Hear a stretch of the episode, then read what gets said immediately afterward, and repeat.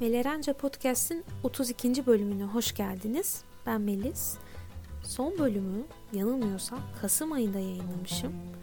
Bunu gördüğümde şok oldum gerçekten. Çünkü o kadar da zaman geçmiş gibi gelmiyordu bana. Her ne kadar bu benim e, tercihim olmadıysa da zira son birkaç ayda evdeki bütün elektronik cihazlarım işte mikrofon, ses kartı, bilgisayar, kameram hatta iki gün önce ve aplikasyonlarım hep birlikte çökmeye karar verdiler. Artık bir Satürn mü bir yere girdi bir şey oldu bilmiyorum ama artık kahkaha atmaya başladım ya bu da mı bozuldu bu da mı engellendi bu nedir böyle diye. E, dolayısıyla yeni bir bilgisayara mikrofonu e, almaya işte eklemeye çalıştım ısrarla okumuyor falan filan. En son yaptım sandım bölümü kaydettim hatta Instagram'da dedim yeni bölüm geliyor. Bir kaydettim baktım ki sesimi helyum çekmiş gibi yapmış. Bu nasıl bir ayar dedim ya. Hani bulamadım da o kadar araştırdım falan neyse. Velhasıl e, biraz uzamış oldu arası bölümlerin ama iyi de oldu. Neden iyi oldu? Çünkü milyonlarca konu bölüm pişti birikti aklımda. Tıkır tıkır tıkır artık bu ses kalitesi umarım çok fena değildir. Bana da yazarsanız iyiydi, kötüydü, idare ederdi gibi diye bilmek isterim test ettiğim kadarıyla dinlenebilir gibi görünüyor. E, artık hani bayağı e, tak tak tak tak bölümleri koyma niyetindeyim. Evet efendim son durum bu. Hala e, Amsterdam Üniversitesi'nde yüksek lisansıma devam ediyorum. Burada yine stres yönetimi ve mindfulness eğitimi aldım bir de 6 haftalık. O da çok güzel kafa açtı. E, master konusunda daha sonra konuşuruz ama ya öyle bir şey ki bu bölümde iletişim bölümünde Hollanda'nın ve dünyanın birincisi ve en zor okulu diye geçiyor. Zorluğu nerede derseniz her hafta 7 milyon 500 tane kaynak yolluyorlar. Sonra da ortadan kayboluyorlar. Self study denen bir şey Hollanda'da zaten var. Okey. Ama çok soyut şeyleri bir sürü kaynakla her hafta üstünüze atarak işte halletmenizi ve günde resmi olarak 8 saat ders çalışmanızı bekliyorlar. Full time bir iş gibi göreceksiniz diyorlar. Ama gelin görün ki ben üniversiteden yeni mezun olmuş 21 yaşında tek problemi hoşlandığı çocuğun ona yazmıyor olması olan bir insan olmadığım için bir sürü sorumluluğum var hayatta. Bunlar böyle baya bir çorbada kaynata kaynata gidiyoruz. Şu ana kadar öğrendiğim çok şey oldu. Güzel bir dünya. Ama bazen de şeyi düşünüyorum ya ben bunu tam olarak neden yapıyorum? Acaba otomatik bir refleksle mi bunu yapıyorum? Çünkü bazı şeyler mantığıma ters düşüyor. Hani öyle bir içimde kıpırdanmalar var ama bakalım nereye götürecek göreceğiz. Bu e, süreçleri de seve seve paylaşırım. Dinleyen, ilgilenen olur ise. Evet, bugünkü bölümümüze gelirsek. Bugün içimizde bekleyen çocuklar hakkında konuşacağız. Çok çok uzun bir bölüm olmasını amaçlamıyorum. Biraz yavaş başlayalım hem de sesi bir görelim nasıl gidiyor diye. Ama nispeten normale göre kısa olacak diye tahmin ediyorum ee, bu bölümde. Çok söylemek, anlatmak, paylaşmak istediğim bir şey de anlatmak istiyorum. O yüzden aslında uygun oldu bu konu. İçimizde bekleyen çocuklar var. Bunu bir masal gibi düşünebilirsiniz ama herkeste bu var. O yüzden umarım e, bildiklerinizi, yargılarınızı kapıda bırakıp bu bölüme öyle girersiniz. Bu konuyu, bu konunun işleyiş biçimini anlayan, kavrayan ve keşfetme yolculuğuna çıkan insanların çok ciddi bir e, huzur kazanacağını düşünüyorum. Kendinizi daha iyi anlamanızı, tanımanızı sağlayacak kilit bir özellik bu mevzu psikolojide. Ee, şöyle başlayalım. Dediğimiz gibi içimizde bekleyen çocuklar var. Bu çocukların ne beklediğini az sonra konuşacağız. Önce bu çocukların kim olduğundan bahsedelim. Bu çocukların hepsi biziz. Fakat bizim farklı yaşlardaki halimiz. Mesela benim içimde bir üç buçuk yaşında Melis var, bir beş, bir on iki, bir e, on üç buçuk vesaire vesaire karakterimize, çocukluk yıllarımıza, hayata bakışımıza, bizi yetiştirenlerin hayata bakışına vesaire göre e, içimizdeki çocukların sayısı, bu anların sayısı da değişebilir. Fakat herkeste bu var. Öyle bir şey ki geçenlerde yazmıştım. E, bunu fark etmek Sizin koskoca gördüğünüz ne böyle işte boksör 50 yaşında çok sert bir adam falan oturup ağlatabilir. Çünkü herkesin içinde çocuklar var. Zaten belki de bu yüzden insan yani 60 yaşında olsa işte annesi babası 80 yaşında olsa gene gidip kucağına yatmaktan büyük keyif alıyor. Yani o içimizdeki çocuk hep var. Ve bu noktada bu içimizde bekleyen çocuklar kırgın çocuklar. Korkmuş çocuklar. Dışlanmış. Beni burada istemiyorlar diye hissetmiş, sevilmemiş, en azından buna inanmış çocuklar. Ve o duyguları o kadar anlayamamışlar, o kadar anlamlandıramamışlar ki o küçücük halleriyle, tecrübesiz halleriyle bir parçamız o yaşta hapsolup kalmış. Böyle düşünebiliriz. Aslında hani bu biraz daha hikayeleştirilmiş hali ama olan şey tam olarak bu normalde. E, bundandır ki bazen bazı duyguları, bazı durumları, bazı kişileri birleştiren bir an yaşadığımızda o kadar ani ve normalden daha fazla ya da farklı tepkiler veririz ki hatta bazen deriz ki o neydi be ne yaptım ben öyle o kadar da kızacak bir şey yoktu aslında falan. Kendimiz bile bazen şaşırırız. Çoğu zaman karşınızdaki insanlar şok olur yani iyi misin ne oldu hani bir şey patladı sanki içinde gibi. İşte bunlar o çocukların direksiyona geçme anları. Bu ne demek? Bir kitap var beden kayıt tutar diye. Siz bir şeyleri hatırlamıyor olsanız bile bedeniniz kayıt tutuyor. Yani vücudunuz hatırlıyor. Misal genelde 2-3 yaşımızı hatırlamıyoruz çok net bir şekilde en azından. Belki bir iki resim olabilir ama hatırlamıyoruz. Fakat o yıllarda çok ciddi önemli yıllar aslında neler yaşadığımız, hayata dair, insanlara dair fikirler edindiğimiz çok e, kıymetli yıllar. Ve bu yıllarda kaydolan şeyler de dahil olmak üzere her şey bilinçaltında fokur fokur kaynamaya devam ediyor.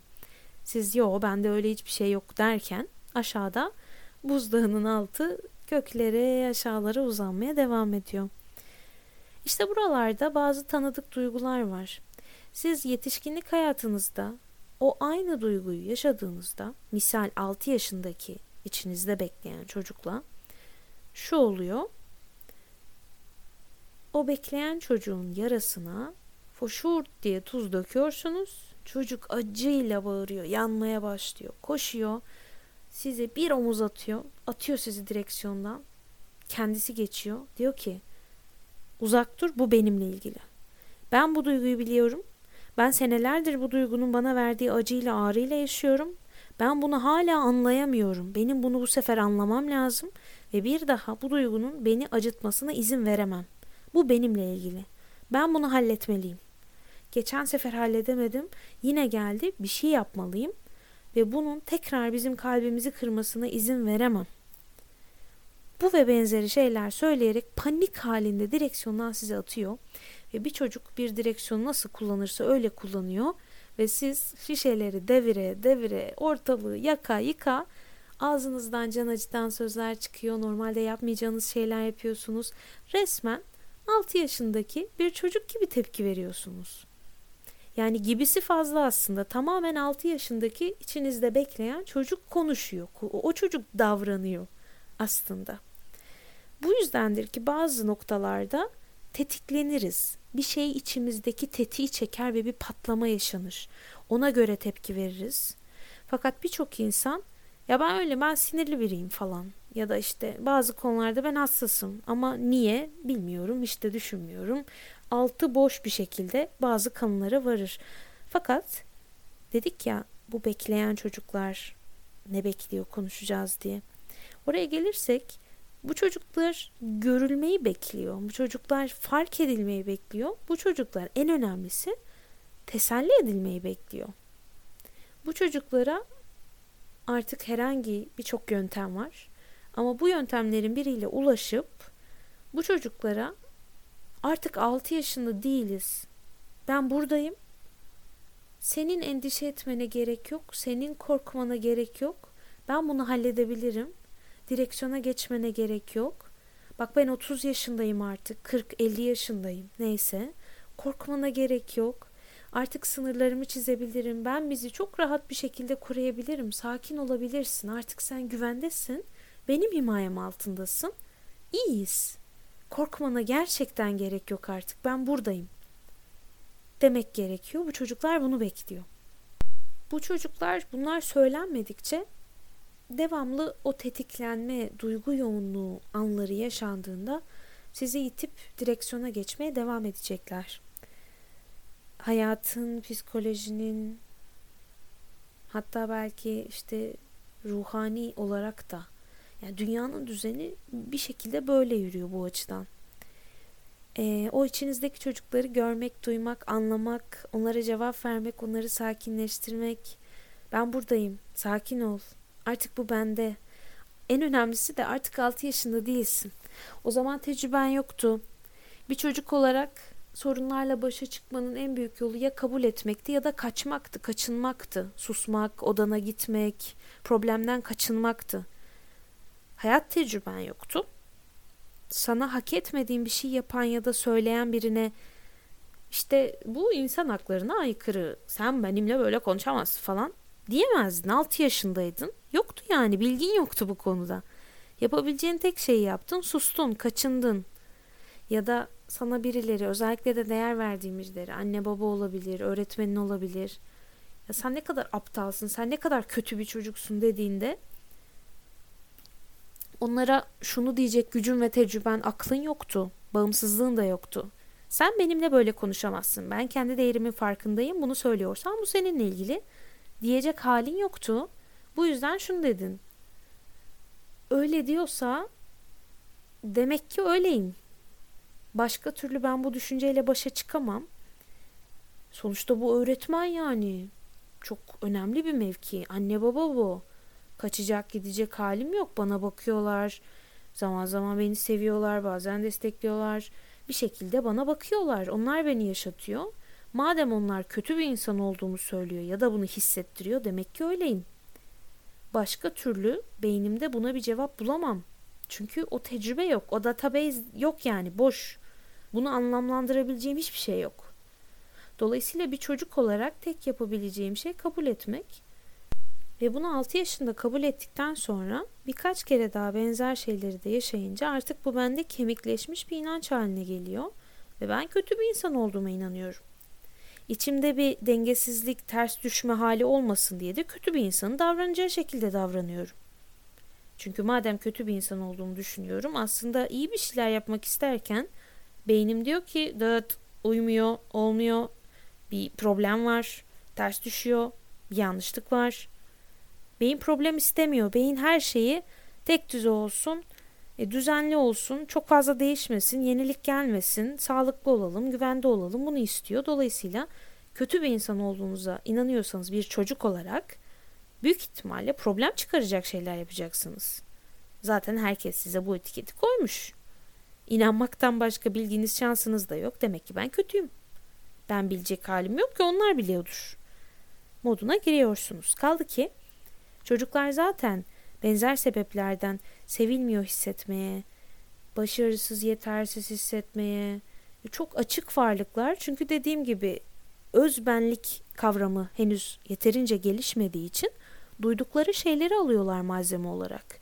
Dolayısıyla e, bir psikoloğa gitmek için kendinizi tanıma yolculuğuna çıkmak için böyle çok ciddi bir travma bir şey görünen bir şey yaşamış olmanız gerekmiyor çok e, işte çocuğunu seven, destekleyen falan bir ailede bile belki işte çocuk sınavdan 90 alıyor, 100 alıyor. Aile ah tebrik ederim ne kadar akıllısın işte benim oğlum, işte benim kızım deyince bile çocukta mekanizma diyor ki başarırsam takdir görürüm, başarırsam sevilirim.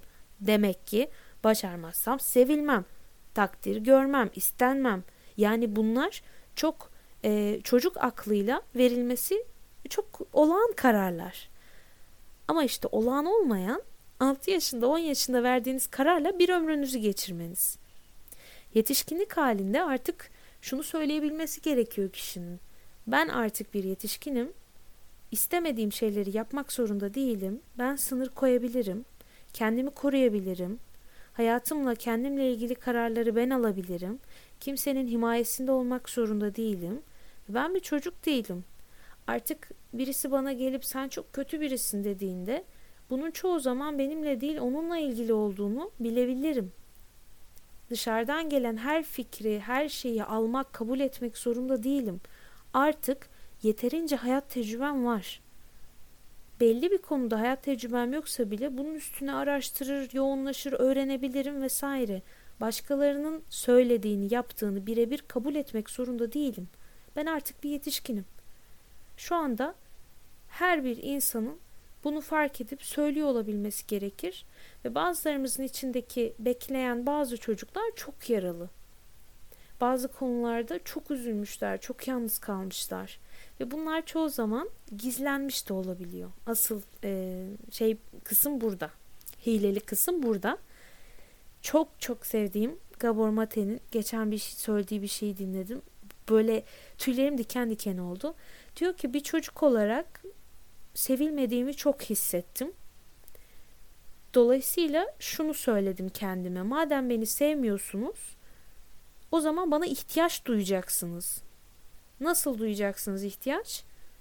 Ben bir doktor olacağım, mükemmel olacağım ve sevmeseniz de ihtiyaç duyduğunuz için beni isteyeceksiniz.